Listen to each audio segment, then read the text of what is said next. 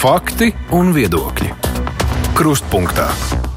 Studijā Mārija Ansone. Šodien mūsu uzmanības centrā būs pacientu tiesības, kā tās tiek ievērotas ārstniecības iestādēs, tāpat arī, tāpat arī kas uzlabojams mediķu komunikācijā ar pacientiem. Covid pandēmijas laikā slimnīcas un aprūpas iestādes noteica karantīnas un vairums domājams pret to izturējās ar sapratni, bet, ja tuvinieku atbalstu liedz tagad, daudziem par to ir neizpratne. Tas nav vienīgais, par ko cilvēki sūdzas. Veselības inspekcijas apkopotā informācija liecina, ka daudzas pacientu sūdzības saistās saistās ar komunikāciju, kad nav izskaidrots kaut kas saistībā ar saslimšanu un ārstēšanu. Kā to visu uzlabot, mēs runāsim šodien. Kopā ar mums ir Veselības inspekcijas vadītāja Anita Slokenberga. Labdien! Labdien. Tāpat arī Latvijas ārstu biedrības valdes loceklis Viesturs Boka. Labdien! Labdien! Latvijas Universitātes medicīnas fakultātes asociētā profesora jurista Solvita Olsena. Labdien! Labdien! Rīgas Stradiņa Universitātes komunikācijas studiju katedras docenta Agita Lūse. Labdien! Labdien! Un attālināt mums pievienojas medicīnas tiesību jurista Stradiņa Universitātes juridiskās fakultātes prodekāne Karina Palkova. Labdien! Labdien! Jā, uh, Es jau pieminēju pieteikumā šīs liektās tiesības uz tuvinieku atbalstu un komunikācijas trūkumu. Tās ir divas dažādas lietas, lai gan savā ziņā tās ir saistītas. Bet tomēr, nu, sāksim ar pirmo. Um, Par šādām situācijām dažkārt stāst aiziet ļoti plaši, ka cilvēkam ir liekts tuvinieku atbalsts Dažkārt tas ir gadījums, kad tā ir iespēja pēdējo reizi satikt e, sev tuvu cilvēku, kurš atrodas slimnīcā. Bet, nu, kā izskatās, cik tas ir izplatīti no saņemtajām sūdzībām? Liekt iespēja būt klāt, cik tas ir daudz gadījumos? Es varbūt sākšu ar to, ka par pacientu tiesību likumu, kad pēc burta pacients tiesību likums ir sens, 13 gadi. Bet pēc sajūtām Šķiet, ka nē. Jo pieaug šīs sūdzības no pacienta puses, tieši vai no pacienta vai piedarīgo puses, tieši kas ir saistīts ar pacienta tiesību likumu neievērošanu. Un tādā kārtā tas sprādziens varbūt tās bija 21. gads visā sistēmā, ne tikai veselības inspekcijā, kur veselības inspekcija apzinājās, ka ir kaut kas jāmaina. Un mēs vērsāmies pie tā laika veselības ministra Pauļuta kunga, kad uh, būtu jāvērtī pacientu tiesību likums un ārstniecības likums. Un tā tapa rīkojums par darba grupas izveidošanu, un veselības inspekcijas vadībā piecus mēnešus mēs strādājām pie šīm likuma izmaiņām. Es gribētu teikt to, ka jā, likums ir varētu teikt, slikts, viņš ir deklaratīvs, ja, jo nav radīts mehānisms, kā iestādēm ievērot šīs, te, lai šīs pacienta tiesības kļūtu par ikvienas ārstniecības personas darba ikdienu. Par sūdzībām runājot, pagājušā gadā par veselības aprūpas kvalitāti veselības inspekcija ir saņēmuši 640 sūdzības. Tostarp 104 tieši bija par šīm lietām, par komunikāciju, par nelaipnu attieksmi, par to, ka nav paskaidrots un izskaidrots. Um, Ja mēs runājam par konkrēto situāciju, kas norisinājās nesen, ka netika ielaists tūnieks pie smagi slima pacienta, tad tas nekādā ziņā nav atbalstāms. Un jebkurai situācijai ir izēja, kaut arī ir pandēmija pandēmija tiek izmantot, uh, Olsens kundze, kā jums šķiet, uh, lai neievērot pacientu tiesības, vai Kādēļ, jūsuprāt, ārstniecības iestādēs, nu, teiksim tā, šī te uh, Covid laiku tradīcija, un tas attiecas arī uz sociālās aprūpas iestādēm, kādēļ, nu, tas tiek izmantots kā iemesls, lai tuvinieks netiktu pie sava tuvinieka? Manā ieskatā tam ar pandēmiju ir ļoti maz sakars, jo tāpēc, ka šāda veida pacientu tiesību likuma ignorance tika novērota kopš pacientu tiesību likuma spēkā stāšanās. Uh, Mums tās karantīnas jā, bija katru gadu. Jā, pandēmijas karantīnas arī. Tagad arī, jā, vien, jā, bet tā ir, jā, tur ir divas lielas lietas. Jā, mums ir visiem zināms, ka likuma ne, nezināšana no atbildības neiz, neatbrīva. Mums ir zināms, ka visiem Latvijas rezidentiem, kuri šeit kaut dzīvo un strādā, ir pienākums ievērot Latvijas likumus. Ja, kāpēc ārstniecības iestādes to ne, nedara un neievēro? Ja, man, nav, man nav tāds nu, objektīvs skaidrojums, kā tikai tas, ka mums ir vesela nozare un veseli lie, nu, lielas ārstniecības iestādes, kas ignorē nu, valstī noteikto kārtību. Un, tad, un tās atrunas Ja ir eh, dažādas, tajā skaitā pandēmija, kas zinātniski ir nepamatots apgalvojums, jo tāpēc, ka Covid pandēmija mums lieliski eh, deva lieliskus medicīnas zinātņu sasniegumus, lai mēs, lai mēs uzzinājām būtiskus uh, zinātnes faktus par to, kā sev pasargāt no gaisa vīrusiem. Ja, bet tā problēma, un to es novēroju regulāri gan pandēmijas laikā, gan vēl joprojām, kā ārstniecības iestādē normāla vīrusu kontrole, jā, nu nevienmēr notiek, un, un vismaz ar tiem tajās ārstniecības situācijās, kur es esmu bijusi, medicīnas darbinieki nepilda pat pamata prasības vīrusu ierobežošanai. Bet tā vietā ja tiek eh, atņemtas pacientiem tiesības, aizbildinoties ar, eh, jā, ar nu, nederīgiem apgalvojumiem. Ja, tā kā eh, skaidrs, ka mums ir jāsargā pacienti no vīrusiem. Nešaubīgi. Bet mums ir jāizpilda likuma normas gan par pacientu tiesībām, gan par drošu vidi slimnīcā. Un tad, ja mēs abas divas izpildīsim, tad mēs arī tiksim uz priekšu. Palkaus kundze, jums ir versija kāpēc netiek ievērots, vai liekas acis slimnīcā ir nērtas, vai, nu, teiksim tā, kāds ir jūsu vērtējums? Ziniet, strādājot ar topošiem ārstnie, topošām ārstniecības personām, strādājot arī ar ārstiem, sapratu vienu, ka šobrīd trūkst zināšanas. Ārstiem trūkst zināšanas par tādām pamatlietām tiesībās. Uh, absolūti pārliecināta, ka tas, ka mēs uh, lasītu ārstiem vairāk, ja mēs viņus vairāk izglītotu, stāstītu par konkrētām situācijām, par atbildības jomām, izglītotu, tad noteikti situācija atrisinātos. Uh, esmu par to pārliecināta. Un, protams, ar pandēmiju mēs nevaram aizbildināties jautājumu par tiesību, pacientu tiesību neievērošanu. Absolūti nē. Bet ir jautājums, cik ļoti mēs kopumā esam devuši ārstiem visu nepieciešamo informāciju. Rīgas Stradiņa universitātē docē medicīnas tiesību kursus, Latvijas universitāte Olsenas kundze, cik es zinu, arī docē kursus, bet tā ir tā jauna paudze, mediķu paudze, kas jau ir izglītotākā, mana ieskatā. Lūdzu, kundze, nu tā tīri paraugoties gan no pacientu tiesību viedokļa, gan no tā, nu kāpēc vispār ir pamatota šāda norma, kāpēc tika pamatot, jo tā likumā jau ir ierakstīts tiesības, ka uz atbalstu ir, eh, katrs var paļauties. Kā mēs secinām, ka tā norma ir deklaratīva un nekas netiek, eh, ne, nav mehānismu, lai to piespiest ievērot. Bet kāpēc ir svarīgi nu, izskaidrot, uh, kāpēc ir svarīgi to ievērot? Jo, kā mēs dzirdējām, tas tiek stāstīts mediķiem, nu visi jau droši vien to arī saprot. Jūs varat Jā. izskaidrot? nu, pilnībā izskaidroties, vai, bet nu, um, ņemsim tādu um, salīdzinājumu mm, pilsoņu un valsts. Ja. Valsts ir tādēļ, lai pilsoņi savas vajadzības īstenotu dažādos veidos. Nu, līdzīgi, manuprāt, ir ar medicīnas uh, iestādēm. Ka, nu, cilvēki, kuriem ir vajadzīga šī veselības aprūpe, medicīniskā palīdzība, nu, viņiem būtu jābūt kaut kādai teikšanai arī Eh, kā tā tiek piedāvāta un, un kādās formās un stilā un, un kādā valodā mēs komunicējam. Nu, tas ir tas mans skatījums, ja es pareizi sapratu jautājumu. Nē, nu, jautājums ir, ja tiek pieļauts, ka mediķi varbūt nevienmēr izprot eh, nozīmību šīs normas. Kā mm -hmm. varētu izskaidrot šīs normas mm -hmm. nozīmību? Nu, mans personiskais skatījums varbūt vairāk ir balstīts manā interesē par eh, pacientu organizācijām. Un, manuprāt, Latvijā tomēr tās nav pietiekami spēcīgas, iedarbīgas bijušas. Un, nu, līdz ar to nav šī sabiedrības spiediena. Ja? Nu, ir šīs daudzas sūdzības uh, un, un ir kaut kāda kopējie jautājumi, par kuriem sūdzās. Tas nozīmē, ka tā problēma ir sistēmiska, bet uh, man skatījums, ka pašā tajā aprūpas politikas veidošanā arī būtu jāiesaistās ne, ne tikai uh, mediķu profesionālām organizācijām, bet arī pacientu vai, vai invalīdu biedrību uh, pārstāvjiem. Uh, līdz ar to nu, tas pakalpojums, nu, tagad mēs runājam par pakalpojumu dizainu. Ja?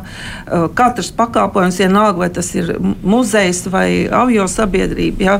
ka, ka mēs skatāmies no lietotāja viedokļa kā lietotājam tas der, neder, kurā brīdī kaut kas buksē. Um, nu, Vārds sakot, uh, nu, ir zināms kaut kāds pasūtījums, mēs pārbaudām to modeli, kādu mēs cenšamies īstenot, vai, vai, vai visas puses ir apmierinātas. Nu, šobrīd uh, sanāk, ka likums ir ērts mediķiem. Jo nav mehānismu, lai piespiestu ievērot šo normu. Nē, tā, tā, tīri, tā tīri nav. Es domāju, ka šeit būtu ļoti liels darbs uh, visiem iestāžu vadītājiem. Un viņiem būtu jāskatās, kā tiek uh, realizētas pacienta tiesības katrā vienā ārstniecības iestādē. Respektīvi, lēmumu pieņem iestādes vadība, nevis konkrēti personāls.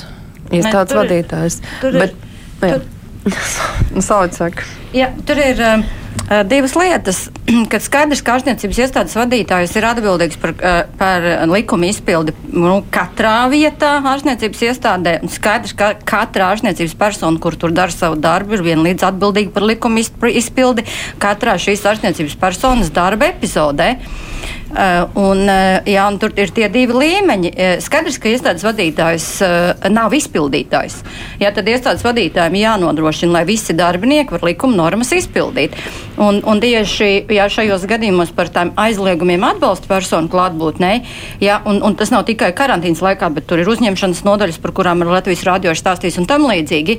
Jā, šeit pat ir tā pretruna, ka tie darbinieki ir gatavi izpildīt likuma normu par uh, tuvinieku klātbūtni un iestādes vadība ir izdevusi izdevusi rīkojumu, kas aizliedz tuvinieku klātbūtni. Un, e, man arī ir zināmi konkrēti ārstniecības darbinieki, īpaši šie bijušie studenti, kas tā arī saka, mēs gribētu to likumu izpildīt, bet mums ārstniecības iestādes vadība principā neļauj.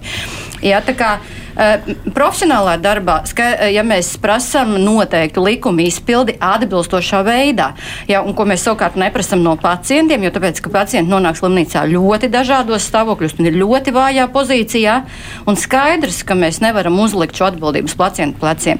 Ja, tāpēc, eh, ja te ir tie, nu, ja tie divi līmeņi ārstniecības iestādē, kur mums ir jāpanāk jā, rīcība. Lai, jo to tas likums juridiski, protams, viņš tiešām ir ļoti nekvalitatīvs.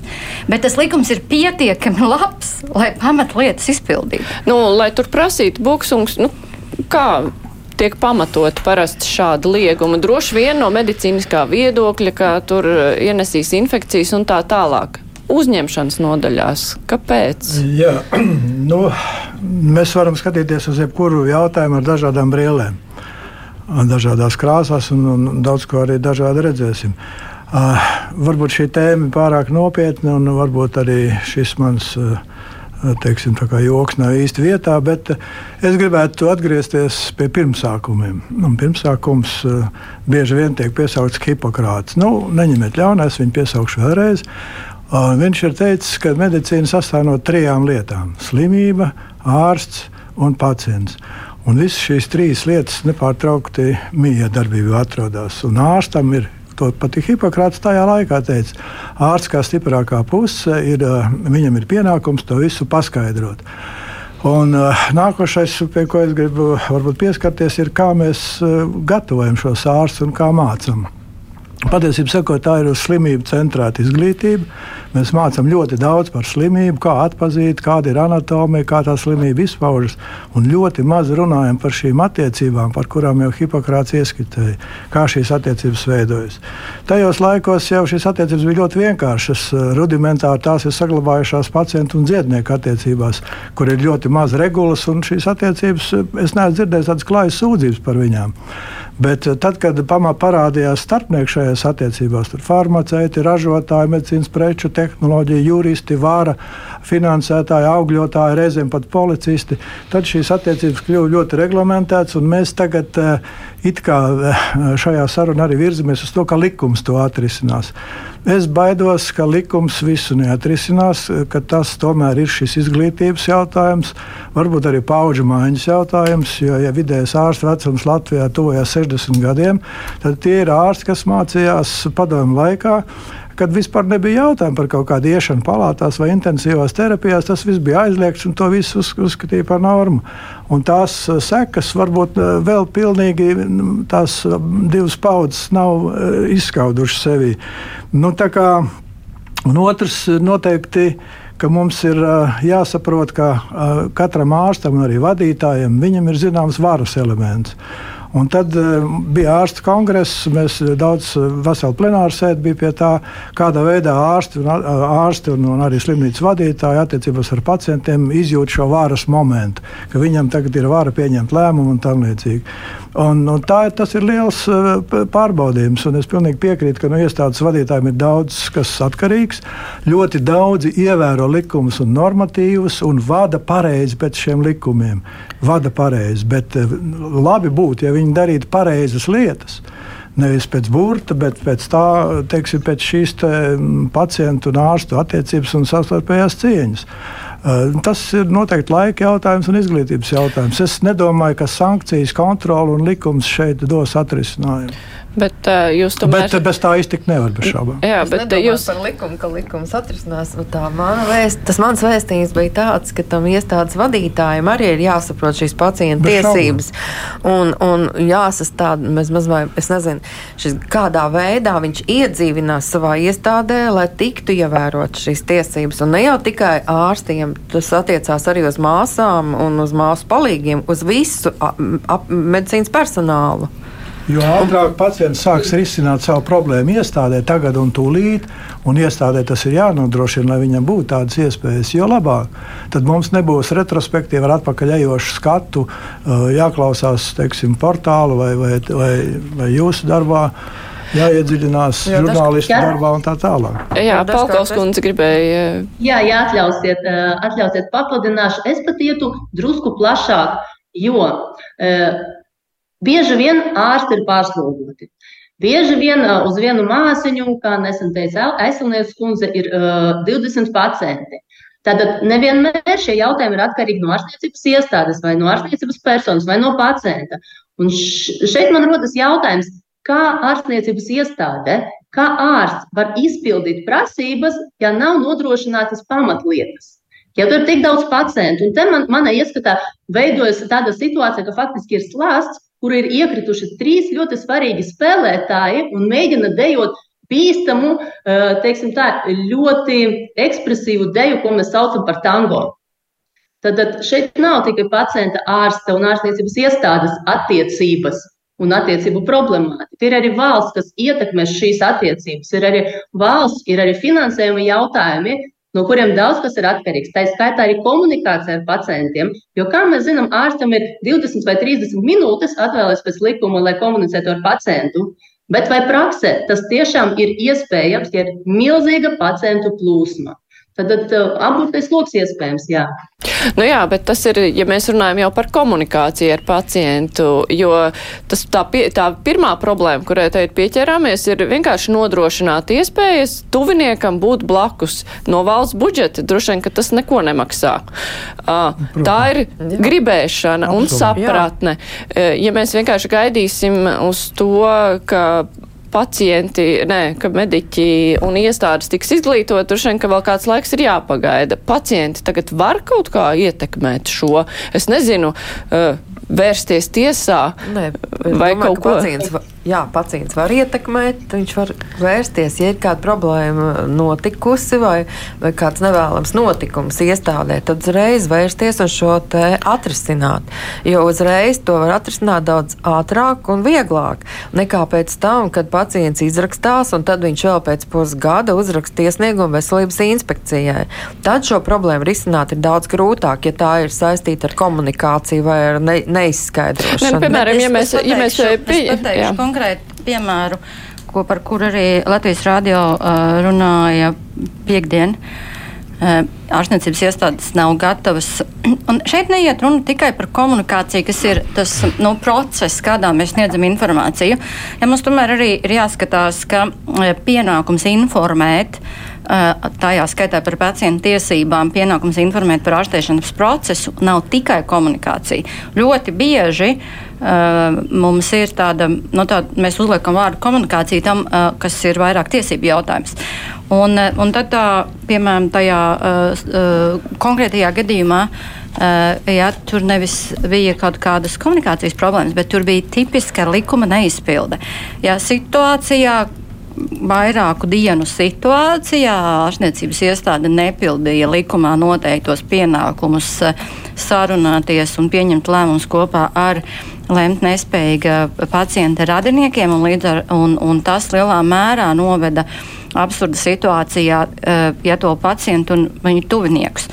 Un, eh, un tāda nu, gan likuma neizpildīšana, gan nesaprašana, ja, kas tur ir jādara un kā tās situācijas būtu jārisina, ir tādas ļoti raksturīgas. Un, un, tad, un, un tajā gadījumā pat tuvinieki gāja un lūdza ārstniecības iestādi izpildīt noteikumus par eh, ja šādu pacientu ārstniecību. Iestāde nebija gatava ja, to darīt. Tā kā, tā kā tā tā situācija ir diezgan nepatīkama un skaidrs, ka pacientiem šādās situācijās, ja, ja viņš izvēlas jau prasīt ārstniecības iestādi, lai ārstniecības iestāde pildu likumu, nu, tas ir galējā situācija. Ja, mēs nevaram sagaidīt, ka pacients tur kaut ko prasīs vai pacients kaut kur ies. Jā, bet arī man, piemēram, man vairāk, vairāk, vairākiem klientiem, kurus kādu kā tas konsultējas, pat tad, tad, ja tas tuvinieks iet un prasa, ja, tad, tad šobrīd viņam nav atbildes. Un tie risinājumi arī pat tad, ja iesaistās advokāts, un man tādi gadījumi ir bijuši. Viņi faktiski ir ļoti grūti sasniedzami. Nu, viņi ir grūti sasniedzami un uh, bieži vien droši vien arī novēloti. Ja, piemēram, mēs runājam par to, ka kāds cilvēks tiek pamests viens pats uzņemšanas nodaļā, un kamēr to atrisinās, viņš jau tur sen vairs nebūs. Man ir Bet... pieredze Austrum slimnīcas savā laikā. Bija Latvijā ļoti progresīva iestāde, kā pacientu tiesību birojas. Olsens kundze noteikti to ļoti labi zina. Uh, Signa Dauškāna arī viņa vadīja, pēc tam tas bija pacienta ombuds. Un Austrums slimnīca savā laikā ar šo institūciju ļoti labi sadarbojās. Un šī sadarbība ar, ar šo neatkarīgo institūciju, kurā tiešām cilvēki varēja griezties, tur bija telpas, bija cilvēki, kas to konsultēja. Tas nenozīmē uzreiz, ka viņam jāiet pie valdes priekšsēdētāja, bet ir jābūt institūcijai, izglītotai, saprotošai, kur tas pacients var saņemt kaut kādus jautājumus un atbildes. Un tas ir tas nu, izjuka tas pasākums, tāpēc, ka tas bija Eiropas fonda laikam finansēts un, un Latvijas valsts pārstāja domāt šajā virzienā un atbalstīt. Un šādas institūcijas, vismaz lielajās slimnīcās, kur ir eh, ļoti liela pacientu plūsma un daudz specialitātes, un, un tam līdzīgi tas būtu obligāti nepieciešams šādas institūcijas attīstīt, kur jāstrādā izglītotiem cilvēkiem šajā jautājumā. Tie nevar būt uzreiz tā vienkārši sirsnīgs cilvēks, labi prot parunāties. Tur ir jāzina gan likumdošana, gan, gan psiholoģija, gan jābūt empātiskam uh, un saprotošam cilvēkam. Tā kā šis jautājums noteikti būtu viens no tādiem risinājumiem, kas varbūt uh, palīdzētu šo jautājumu risināt ātri un tūlīt uz vietas. Jā. Jo, ja tā ir slimnīcas administrācija, no vienas puses uh, pacients jau jutīsies mazliet tā kā uh, aizspriedumains pret šo cilvēku. Ja tas ir neatkarīgs pacients, pārstāvošs ombuds, kas viņam ir ātri pieejams uz vietas, iespējams, ka tā situācija būtu labāka. Jā, tieši jūs izņemat gandrīz vārdus no mutes. Es arī būtu gribējis runāt jā, par šo te. Um, situācija, ka mums ļoti pietrūkst šādas institūcijas, kā pacienta ombuds. Nu, atgriežoties pie iepriekšējās šīs sarunas, uh, ka pacientam vajadzētu tūlīt un tagad uh, risināt to situāciju, lai pēc tam nesakarātos tas, tas rūkums un neietu kaut kur pa ne, ne tiem ceļiem, kas ir efektīgi. Ja? Uh, bet nu, iedomāsimies, tiešām pacients ir tas vājākais tajās attiecībās. Un, un, un daudzos gadījumos uh, nu, viņam absolūti nav zināšanu, kāda ir tā slimnīcas struktūra un pie, pie kā tieši vērsties. Un, un viņam var būt, var nebūt tuvinieki. Ja? Un, un var, viņi arī būt tikpat bezpalīdzīgi. Tāpēc nu, ombuds tas būtu pats ideālais gadījums droši vien, bet nu, vēl jau ir tādas formas, tas gan vairāk attiecās tieši uz psihiatrijas jomu, tā, uzticības persona, ja, kas ir uh, arī nu, starpnieks, neatkarīgs no administrācijas, uh, bet uh, zina gan tās pacienta tiesības, gan, gan tās pacienta nu, vajadzības un varbūt viņu vājumu, ja, ko vajag saudzēt. Un, uh, nu, tā tādas formas arī ir jau pārbaudītas. Kur palika ideja, vai tā varbūt tiek šobrīd realizēta ārstniecības iestādēs, eh, lielākajās vismaz ievies pacientu tiesību aizsardzības speciālistu lasu? Tā bija Veselības ministrijas preses relīze no pagājušā gada septembra, Jā, ka būs iestrādāts tieši šajos grozījumos, ko Veselības inspekcija nodeva Veselības ministrijai. Nu, pat labi, veselības ministrija vērtīja, kurus no šiem likuma projektiem mēs izvērtījām pilnīgi visu likumu un, un devām par katru pāntu vai nu detalizētu, kas ir jāmaina, vai papildinājumu, bet eh, kas tiks tālāk virzīti, es nevaru pat labāk pateikt, tāpēc, ka veselības ministrija pie tā strādā. Bet, bet uh, cik man ir tā, tā ideja, ka katrā slimnīcā nu, nu, vajadzētu pacientu tiesību speciālistu ja tas, kas ir šobrīd publicētajā likumprojektā, tur nopublicēja pagājušā gadā, un, un es arī komentēju, ja tāda ideja nav izstrādāta, jo skaidrs ir, eh, un te vairāk kolēģi arī, un, un paldies uzsver, ka šai, um, pirmkārt, šim speciālistam jābūt zinošam pacientu tiesībās, un mēs nevaram nolikt jebkuru, un tas, kas ir likumprojektā, jā, tā mēs nevaram sasniegt zinošu speciālistu. Otrs ir, šim speciālistam jābūt neatkarīgam no ārstniecības iestādes, un, un neatkarību mēs panākam, un šeit likums ir ļoti svarīgs, ja, ka mēs iedodam, kom, eh, prasam kompetenci, garantējam, garantējam ne, neatkarību un nodrošinam arī finansējumu, lai šis cilvēks būtu neatkarīgs. Jā, un mēs arī dodam iespēju, nu, kā ombudam ir, un, un lielisks piemērs mums ir tiesības sarga biroja, jā, tiesības izsniegt rīkojumus, kuri varbūt ne, var, var nebūt juridiski saistoši, bet kuri ir pietiekami ietekmīgi, lai panāktu progresu. Jā, tā kā. Uh, Mums, Bet mums ir galvenais tagad šiem rīkojumiem, nu, tas arī kustētos uz priekšu, jo dažkārt arī tiesības sargs kaut ko saka, un tas nenozīmē, ka institūcija to ņem vērā. Mēs sākotnēji mēs varam tikai ar rīkojumiem, arī nesaistošiem mēģināt uzlabot situāciju un gaidīt tad, lai ārstniecības iestāde rīkojas un skaidrs, un tad, ja tas nenotiek, tad mums ir citi tiesība aizsardzības līdzekļi.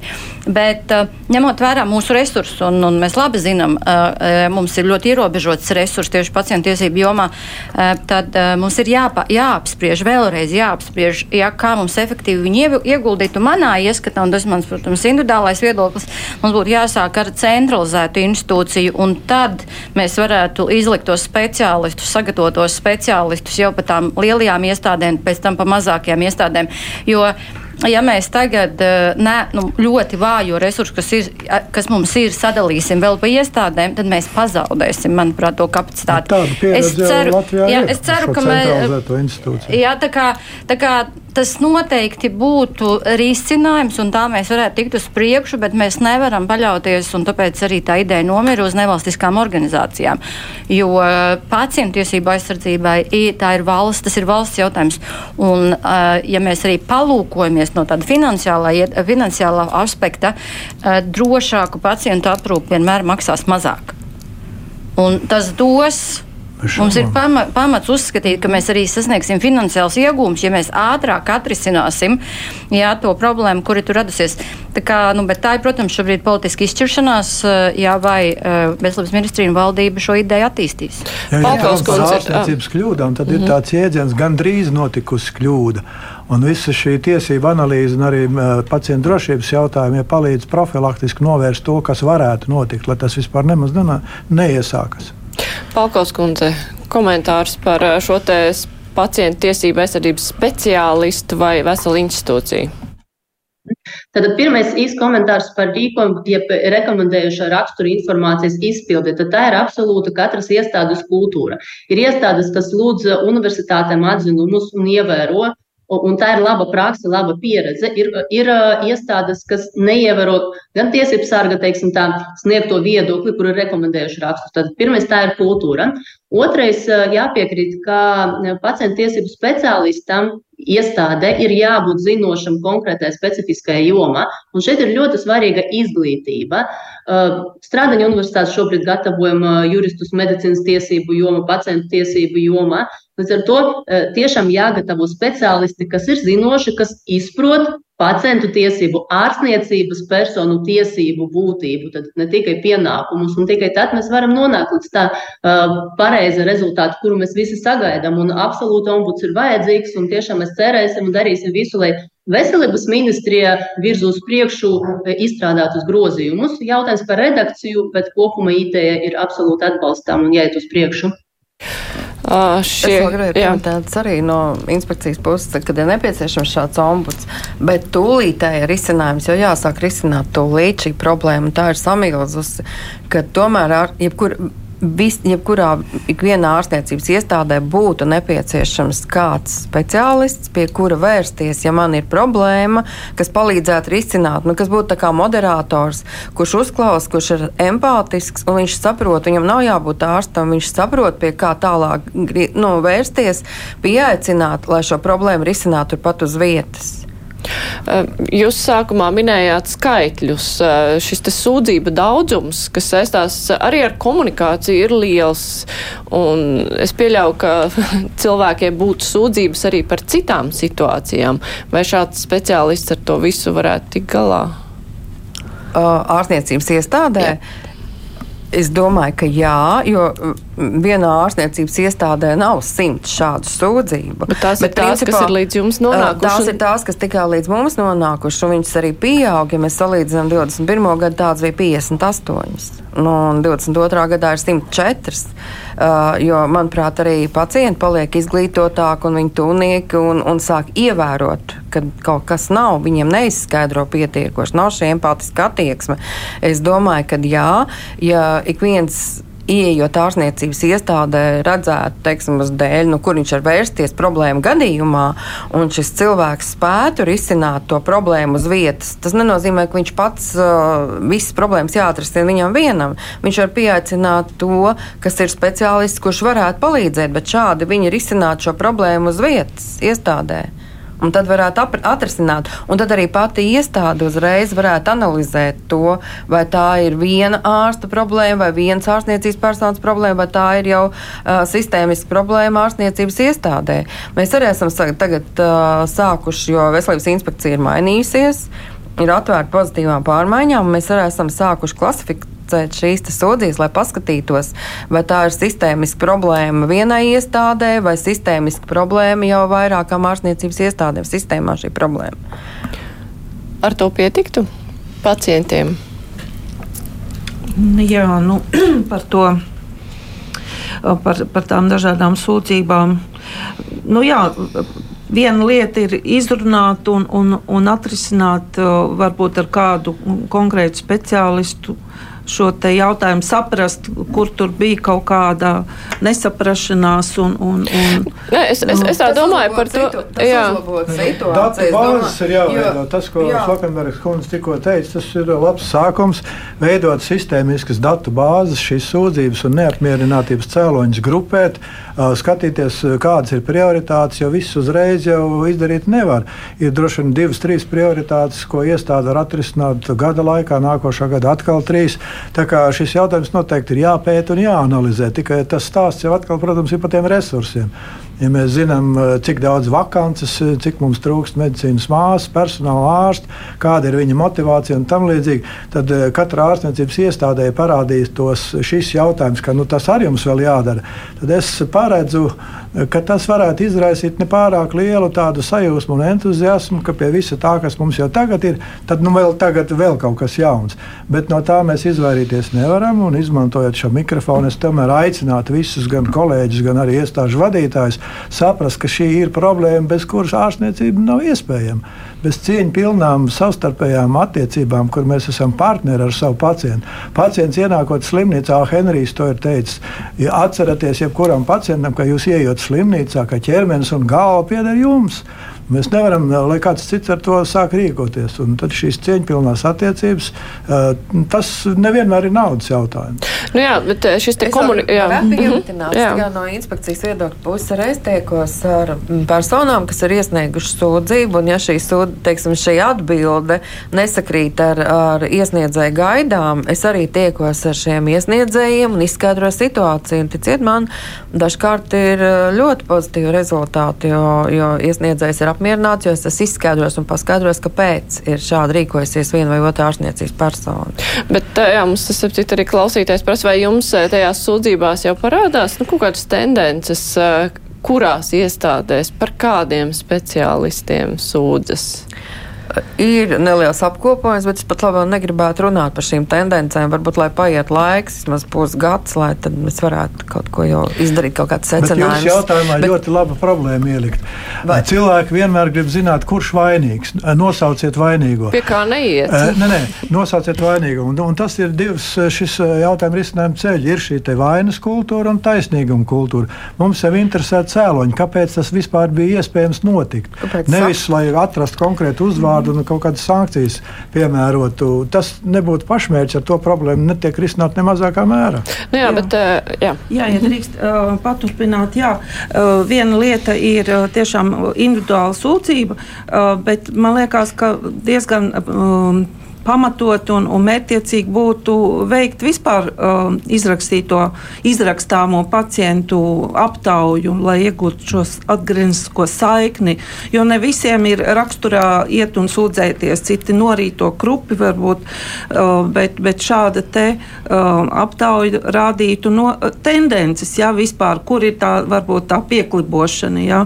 Un, un cik es zinu, tad uh, plānā, kas ir uh, tagad veidots uh, trim gadiem psihiskās veselības aprūpes uzlabošanai, tad tur ir tieši iestrādāta jau tāda um, uh, pakalpojumu novērtējuma anketa. Zviedrijā un Somijā to izmanto. Un, un apmēram nu, tu liec tur atzīmes, tur ir jautājumi, kur, uz kuriem tu tur atbild, un tad gala rezultātā tu ieliec to atzīmi, nu, vai labi vai nē. Un tad pēc kāda mēneša, teiksim, attiecīgās klīnikas virsārsts izsauc šo cilvēku, nu, ja ir bijis tā sliktā atzīme, ja, un tad tiek diskutēts, virsārsts ir iedziļinājies tajā pacienta problēmā, un tiek dis diskutēts un skaidrots, un, protams, pēc tam arī tiek piedāvāts kāds. Nu jā, tad kaut kāda iemesla dēļ klīnika ir bijusi interesēta veikt šo aptauju un uzzināt. Bet uh, tomēr par komunikāciju runājot, uh, jo tā viena lieta ir, ka pacients varbūt uh, viņam ir slikta sajūta, ka ar viņu ārsts ir bijis nelaipns un psiholoģiski tas ir kaut kā iedargājis, bet cita lieta, ja tās komunikācijas, nekomunikācijas rezultātā viņš kaut ko būtisku nav uzzinājis. Viņš nav uzzinājis kaut ko par savu ārstēšanu, viņš nav uzzinājis, kas viņam ir tālāk jādara un vispār ko viņam tālāk darīt.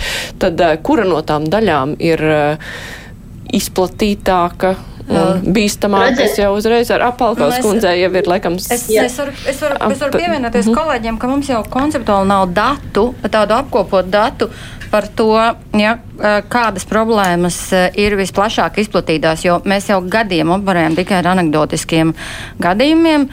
Un, un, un, tas, un tas pieņēmums, ja tad mums tikai rodās no tiem pacientiem, kas ir gatavi par tām savām sāpēm stāstīt. Uh, Bet uh, tas, ko mēs, nu, jā, un, līdz ar to mums vajadzētu tiešām rūpīgi arī domāt, kā uh, vākt datus. Uh, un, un šeit ir dažādas metodoloģijas, bet nav, jā, mums faktiski valstī nav interesi šos datus vākt. Un, un, un, jā, un arī mēs šobrīd, piemēram, Latvijas universitātē veicam pētījumu psihiatrijā, un mēs sastopamies ar ievērojamām grūtībām no dažādu ārstniecības iestāžu puses, kas uh, meklē šķēršļus, uh, kā, kā uzlikt šķēršļus pētniecībai. Jā, tas ir nožēlojami, jo mēs jau kopumā strādājam vienu mērķu sasniegšanai. Tāpēc uh, būtu mums vajadzīgi dati, lai mēs par to varētu spriest, jo tas, ko, me, tas, ko mēs redzam no tiem pacientu stāstiem, ir uh, tas, ka pacienti ir ļoti slikti informēti. Pacientu piekrišanas tiesības netiek mhm. respektētas. Uh, pacienta izvēles netiek respektētas, jo ļoti bieži, un arī Latvijas radiostātītajos stāstos, un nevienā vien mēs redzam, pat pacienti izturās kā pret lietu pārvadā, eh, pār, eh, jā, norīko, jā, tur izrīko, jā, ierobežo, nosūta. nosūta. Ja to nu, netiek cienīta, tā pacienta kā cilvēka pašnoteikšanās izvēles tiesības. Jā, un skaidrs, ka pacients, pat, pat, pat tie pacienti un, un tie, kas arī ir gatavi runāt Latvijas radio, parasti ir ļoti centušies mēģināt panākt kādus risinājumus, pat viņiem nav izdevies. Ja, tāpēc mums ir jāpanāk tā, nu, vismaz, vismaz minimālais standarts, kas nosaka ārstniecības personas informē pacientus par piedāvājumiem, par, ja saņem pacienta atļauju vai pacienta jā, atteikumu no ārstēšanas, ja mums jau tas pamatlīmenis nestrādā. Jo skaidrs, ka nu, es neesmu redzējusi nu, tādus pacientus, kas uh, izņemot tiem, kuri ir nolēmuši, ka viņi grib šo dzīvi beigt pašdestruktīvi, ja kas teiktu, ka nē, es negribu, lai man palīdz, un vispārībā, ja es tas atvestu piespiedu kārtā un, uh, un, un, un, un, un, un, un ļaujiet man iet prom. Lielākā daļa pacientu ārstniecības iestādēs tiešām ir gatavi darīt visu, lai palīdzētu sev. Ja, mums ir jāveicina tā viņa gribēšana. Un skaidrs, ka pacientu, pacienti, pacientu tuvinieki ļoti uh, ieinteresēti sadarboties ar mediķiem. Un mums ir jāpanāk, lai tā otra puse jā, ir pietiekami ieinteresēta un, un veido to sadarbību uh, uz tādiem cilvēkiem raksturīgiem pamatiem, nevis uh, jā, savstarpēji jā, sarunājoties, nevis viens otru komandējot. Palkos kundze. Jā, paldies. Daļa Osons kundze arī atbildēja. Bet es tiešām šajā gadījumā komunikāciju kopumā gribētu ļoti saistīt ar informēto piekrišanu. Jo informēta piekrišana pēc būtības ir vitāli svarīga aiztiekot pacientus, sākot tad ārstēt pacientu. Un šajā brīdī, protams, ārstam un arī tiesa 20. gadā augstākā tiesa ir atzinusi, ka ārstam ir jārūpējas par informētas piekrišanas saņemšanu, kas ietver sevi komunikāciju. Kā tu saņemsi un informēsi pacientu par riskiem, par sekām, par metodi, kādu tu izmantosi kā ārsts, tad komunicējot. Un, ja tev nav laika komunikācija, ja ir kādi citi apstākļi, ja tev nav zināšanu par to, kas ir un kas sevi ietver informēta piekrišana, tad ir absolūti grūti teiksim, nodrošināt šo tiesiski korektu komunikāciju. Un te es pat papildināšu arī no pacienta puses. Pacientam arī ir pienākumi. Pienākums līdzdarboties ārstēšanas procesā, pienākums sniegt ārstam informāciju. Un atkal, ja ārsts nekomunicē, pacients attiecīgi nesniedz informāciju par savu veselību, tad tā anamnēze nebūs pilnīga. Un atkal mums rodas gan sarežģītas situācijas, jo noteikti nav viena situācija, nevienai neviens. Tad abi ir zaudētāji. Tā, tā ir komunikācija un tā ir informēta piekrišana, par kuru jārunā ar ārstiem, jārunā arī ar pacientiem par līdzdalību uh, savā veselības uh, procesā, teiksim tā, nodrošināšanā. Bet, nu, kopumā, ja mēs runājam par šo pamatlietu ievērošanu, par ko Olsens kundze minēja, kuras arī netiek ievērotas bez sankcijām ārstniecības iestādē, tur kaut kas būs, vai tas tā būs tikai tāda runāšana, sūdzēšanās, un vai vispār kaut kādas sankcijas ir iespējamas? Es domāju, ka sankcijas neatrisinās šo problēmu. Nē, nu, viņas noteikti. Nu, sankcijas ir iespējams pret jebko. Nu, un, eh, zinām, efektu viņas dod sākuma posmā, bet ilgtermiņā noteikti mēs nevaram balstīties uz eh, permanentu sankciju darbību. Eh, tas jau tāpat teiksim, kā ceļu satiksmē. No ātrais risinājums ir radari un ceļa zīmes, bet ilgtermiņā tā ir autovadītāja izglītība. Kas, principā, ja es par to teikumu pabeidzu, manuprāt, Latvijā drusku uzlabojas gads no gada. Nu, man ir tā pieredze, ka. Vai mums ir tā, vispirms Solsens kundze, un pēc tam, jā. jā. Man ir tā pieredze, ka runāšana palīdz ļoti maz. Jā, ir pozitīva pieredze ar jaunajiem, tiešām mums bijušiem studentiem, kas atnāk un, uz universitāti un stāsta, jā, kā viņi ir izmainījuši jau praksi un, un, un kā ir mainījuši savu attieksmi. Un, un tur, ir, tur ir labi gadījumi. Bet uh, ir, protams, arī manā praksē pieredze, un kā es saku, uh, ja mēs redzam, ka runāšana nepalīdz, jo skaidrs, ja, ja mēs runājam ar ārstniecības iestādi un viņi ir gatavi mainīt un viņi maina, tad mēs redzam rezultātu. Bet ja mēs redzam, ka rezultātu nav, tad ārstniecības iestādē ir jāliek samaksāt. Un man ir tā pieredze, ja ārstniecības iestāde ir samaksājusi dažas reizes, tad tas būtiski maina situāciju. Un viens tas bija gadījums, ko, par ko arī Latvijas rādio kādreiz runāja par vecāku klātbūtni bērni, eh, bērnu ārstēšanā. Jā, mēs ilgi cīnījāmies ar to jautājumu, un mums bija viens uh, tiesas spriedums, kas lika samaksāt, un viss mainījās diezgan ātri. Es gribētu teikt, bet arī bez tiesas, tāpat veselības inspekcija, ja notiek konkrēti ārstniecības iestādē atkārtots gadījums vai konkrētam ārstam notiek, mums pat bija šie trīs gadījumi vienam ārstam, tad uh, mēs piemērojam tiešām administratīvo sodu. Bet es gribēju vēl papildināt to, ko ir darījusi veselības inspekcija. Tas bija jāizsāks pirms pandēmijas laikā, un mēs tagad atsāksim. Mēs braucām uz reģionālajām ārstniecības iestādēm ar pacientu tiesību tā likumu tādu nelielu lekciju par, tieši par komunikāciju, par piekrišanu, un tad es prezentēju gadījumus, kas ir bijis um, inspekcijas redzes lokā, nu tieši konkrēta, par konkrēto ārstniecības iestādi, kā manifestējās uh, pacienta ārstniecībā, tā konkrētās ārstniecības iestāde nesarakstītās vēstures un sliktā komunikācija. Un, principā mēs šogad to atsāksim. Palkaus kundze. Jā, es faktiski tomēr arī piekritīšu dažiem kolēģiem, kas izteicās par to, ka mums nav jāakcentē uzmanību šo sodīšanas funkciju. Absolūti ne, un arī Eiropa vairs tā nav tendence. Ar to mēs, teiksim, tā labāk pacientam nebūs no tā, ka, ka kārstu sodīs, jo tikpat labi būs otrs gadījums un trešais. Tad drīzāk mums jārunā tiešām par pacientu drošību, par pacientu drošības sistēmu ieviešanu slimnīcās, jo šis jau sistēmas mērķis ir tieši korekts, faktiski mazināt ar veselības aprūpi saistīto kļūdu skaitu. Tad nevis sodīt, bet gan veicināt šīs drošības kultūras izmantošanu un akcentēt īpaši īstenībā jau iespēju un ārstu uzmanību mācīties no kļūdām. Protams, tas ir jautājums, vai mācīsies no kļūdām, bet mums jādod šī iespēja ārstiem, un tās sistēmas uh, tiek, tiek plaši tiek izmantotas. Bet kā tad izpaužas šī pacientu drošības sistēma?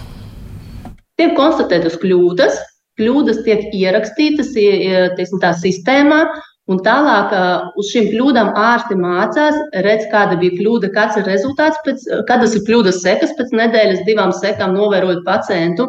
Un tad sanāksmēs, un arī katram ārstam ir piekļuvušai sistēmai, tad ir skaidrs, kā nevajag darīt, jo rezultāts nav labs mēneša perspektīva, nedēļas perspektīvā. Eh, es zinu, ka Bērnu Kliniskā universitāte slimnīca šobrīd šāda veida sistēmas ir. Par citām slimnīcām es neesmu droša, eh, bet, piemēram, Igaunijas sistēmas labi darbojas. Efektīvi, un arī Lielbritānijā. Vienmēr jāatcerās, eh, ka, ja mēs runājam par pacientu drošības sistēmām, slimnīcām un, un par mācīšanos no kļūdām, tad šai sistēmai ir jābūt ir otra daļa - pacienta aizskarto tiesību atlīdzināšana. Un vai mēs viņu atlīdzinām ar atvainošanos, vai mēs viņu atlīdzinām ar informācijas sniegšanu par negatīvo notikumu. Un, un eh, ar pacientu pārunājumu samierinām situāciju, jo mēs nodrošinām pacientam kompensāciju par, eh, piemēram, veselībai nodarīto kaitējumu. Jā, šeit ir dažādi risinājumi, bet ir skaidrs, ka eh, tiesiskā valstī Mums nepietiek tikai uh, ar mācīšanos. Tiesiskā valstī mums ir uh, jānodrošina aizskartā cilvēka jā, tiesība aizsardzība, un, mums, uh, un tas nav sots. Jā, tāpēc mums ir, ja mēs ņemam, jo ar sodu mēs pacientu neaizsargājam, ja tāpēc mums ir pacientu drošības sistēma jāliek blakus pacienta aizsardzības sistēma, un tad ir eh, jāpārvērtē atkal un atkal, jā, cik labi darbojas ārstniecības riska fonds, cik labi darbojas citi mehānismi, lai tad, kad pacients ir aizskarts lai mēs viņam varam uh, efektīvi un ātri aizskārumu atlīdzināt. Tā kā jā, mums par tā otrā daļa arī vienmēr ir jāstrādā. Ja mēs pieņemam šo tēmu kā ļoti aktuālu, un tam piekrīt vairums ārstu un iestāžu vadītāji, tad viss sākās no ziņošanas sistēmām. Un tas ir tad, ja cilvēki nebaidās ziņot par potenciālām kļūdām, vai iespējamiem riskiem vai neveiksmēm, tad viņi tiek rūpīgi analizēti. Un šīs ziņošanas sistēmas ir jāattīsta. Gan ārsti ziņo par kaut kādām negadījumiem vai par iespējamiem negadījumiem, gan arī šie pacienti ziņojumi. Tie tiek rūpīgi analizēti, dokumentēti. No, no tā mēs tieksim, pāriem uz šo tiesisko regulējumu, ko mēs varbūt sistēmiski varam mainīt, vai piešķirt vairāk resursus, vai, vai mainīt uh, slimnīcu kartējumu, kur kaut kas nav drošs un tā tālāk. Tā kā jāattīsta šī ziņošanas sistēma, un viņa attīstīsies tad, ja cilvēkiem pazudīs bailes no vainīgā statusa. Ja, ja cilvēks jūt bailes uh, tā, no tā, kas sekos, ja viņš atzīs par vainīgu jau a priori, uh, teiksim, ir ziņojums par kaut kādu gadījumu, un nākošā dienā Twitterī ir rakstīts, ka tāds un tāds ārsts ir vainīgs. Nu, tā ir diezgan izplatīta situācija. Mm -hmm. Jā, es, es gribēju atgriezties vēlreiz pie tā paša jēdziena par pakalpojumu dizainu. Nu, es pilnīgi piekrītu, jā, ka šie ziņojumi ir ļoti svarīgi, un, un, un jo vairāk ir, jo tā aina veidojas skaidrāka, bet tad uz tā pamata kā mēs iedarbinām kaut kādas pārmaiņas. Manuprāt, tieši caur to, ka sanāk kopā varbūt arī uh, kādu pacientu biedrību pārstāvi varētu tur piedalīties, bet tā tad nu, gan uh, varbūt. Uh, Iestāžu administrācija, gan, gan arī mediķi. Un, ko tad šie ziņojumi mums tagad rāda, kā, kā mēs savādāk varētu uh, kaut vai šo komunikāciju, informēto piekrišanu. Un, un es domāju, ka nu, tāda forma kā pilotu projekti, jā, ka nu, ir kāda varbūt jaunāka speciālista tagad izmēģina šo jauno komunikācijas veidu, un, un tad pēc tam tas iet kaut kā plašumā. uh, šādi šād ieskati. Jā. Bet tai ziņošanas sistēmai jābūt nu, plašākai nekā vienkārši sūdzību veselības inspekcijā. Jā, tā ziņošanas sistēmai jābūt ārstniecības iestādē iekšpusē, un tā analīze notiek uzreiz uz vietas ārstniecības iestādē. Un, protams, tā jau. Ir divi termini, ir sūdzība un ir iesniegums. Jā. Tas ir kā mēs šos jautājumus arī juridiski traktējam ne katrs uzrakstīts papīrs ir sūdzība. Mēdz būt, ka cilvēki vienkārši eh, pasaka mums priekšā, kā vajadzētu labāk darīt. Tā varbūt nemaz nav sūdzība. Palkaus kundze sāka teikt, bet eh, kolēģi jūs nedzirdējāt. Jā, jā, jā, ļoti grūti būt attālināti labprāt būtu kopā ar jums. Bet par, par mācīšanu ziņošanu sistēmu ir ļoti svarīgi, lai šie dati, kas ir vienas slimnīcas ietvaros, ir pieejami arī citai slimnīcai, arī privātajām iestādēm. Tad šeit mēs runājam par veselības datu, par datu apmaiņu, par datu izmantošanu arī zinātnē tā skaitā. Tā kā labi, ja mēs to sistēmu ieviesīsim viena iestādē, bet jāveido šis datu ekosistēma valsts līmenī. Un tas arī paredz, ir paredzēts mūsu digitalizācijas pamatnostādnēs, bet atkal jāiet uz priekšu. Bet nu, cik tālu tad mēs esam no tādām ziņošanas sistēmām? Kas tad tur ir jādara tagad vēl? Mēs nu, katrā ārstniecības iestādē kaut kāda rudimenti jau ir. Nav, nav teikt, ka mums, mēs esam pilnīgā tūkstnesī. Viņas attīstās. Nu, līderis, un, cik es zinu, ir bērnu slimnīca, Kliniskā universitātes slimnīca šobrīd. Tā kā, nu, tas ir atkarīgs arī tiešām no iestādes vadības. Uh, arī no vadošiem ārstiem, klinicistiem, kuriem ir liela pieredze un tam līdzīgi. Bet es gribu, varbūt, tuvojoties beigām, tādu pozitīvu notu teikt, ka Latvijas sabiedrībā ārstu kongresa laikā tika veikta aptauja Latvijas sabiedrībā, kādas profesijas ir visprestižākās. Un uh, šī radījuma nobeigumā es gribu teikt, ka Latvijas sabiedrība aptaujātie cilvēki nobalsoja, ka pirmā prestižākā profesija ir ārsts. Tā kā, nu, mums tas ir jātaisno, un viss, ko mēs te šodien sarunāsim, rīt iesim un sāksim. Jā, bet, tas, ko Olsens kundze pirms tam minēja, ka tomēr bez eh, kaut kādām nu, aktīvām sūdzībām un bēdīgām pieredzēm daudz kas nekustās uz priekšu. Tas nozīmē, nu, ka. Tā lieta, ka mums ir eh, līdz šim un, un gadiem jau bijuši gan deklaratīvie paziņojumi par pacientu tiesībām, gan arī par pacientu drošības sistēmām. Un tā kustība uz priekšu ir bijusi ļoti atkarīga no, kat, kat, no kādiem dažiem ieinteresētiem cilvēkiem un no tā, ko viņi sasniedz. Un tad, ja, tie, ja kādā vietā ir kāds ieinteresēts un zinošs cilvēks, tad viņš kaut ko sasniedz. Bet mums trūkst tāda sistēmiska skata, jo, jo skaidrs, ka īpaši ņemot vērā mūsu salīdzinoši mazo iedzīvotāju skaitu, mūsu ierobežoto resursu pilnīgi visur katram attīstīt savu sistēmu, arī, manuprāt, līdzīgi kā katram attīstīt savu ombudu, nebūtu pat prātīgi, jo mums nav tas resurss. Un šeit ir vajadzīga valstiska pieeja, mums ir jāattīsta tāda laba sistēma jau šajās divās daļās - pacientu drošībai un pacientu tiesību aizsardzībai abās pusēs. Jā, tad ir jāapkopo resursi un tad jāizvēlās, ar kādi ir tie pirmie trīs soļi, ko mēs iesim. Jā, un eh, kā te arī izskanēja, tad pirmais solis uz to ir sākt vākt datus, lai mēs vispār saprastu situāciju. Jā, to mēs arī darām. Un noslēgt ar izglītību, kurai ir jānotiek eh, tās iegūšanai jānotiek paralēli. Bet mums galīgi vairs nav laika. Es saku paldies Anita Slokenberga, Viesturs Bokas, Olvita Olsena, Agita Lūse, Karina Palkova bija šodien kopā ar mums. Nespēšu nosaukt visus jūsu amatus. Uh, raidījumu producēja šo Loreta Bērziņa un Evi Junām, savukārt studijā bija Mārija Ansona. Visu labu rīt šajā studijā jau būs kolēģis Aidis Tomsons.